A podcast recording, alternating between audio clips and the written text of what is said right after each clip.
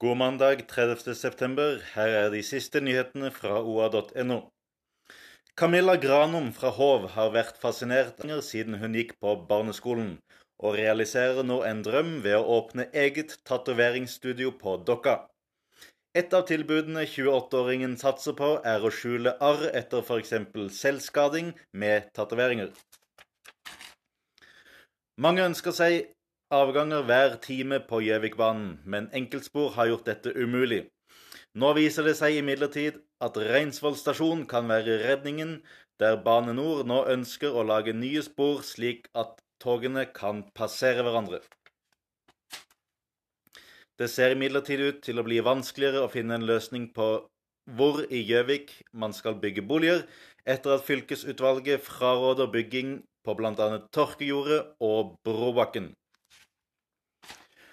Og skal det vestover eller til fjells i høstferien, kan det lønne seg å legge om til vinterdekk. Det er ventet opp mot en halv meter snø i høyden, og enkelte fjelloverganger kan bli stengt, ifølge Statens vegvesen. Følg med på oa.no for de siste og viktigste nyhetene fra Vest-Oppland.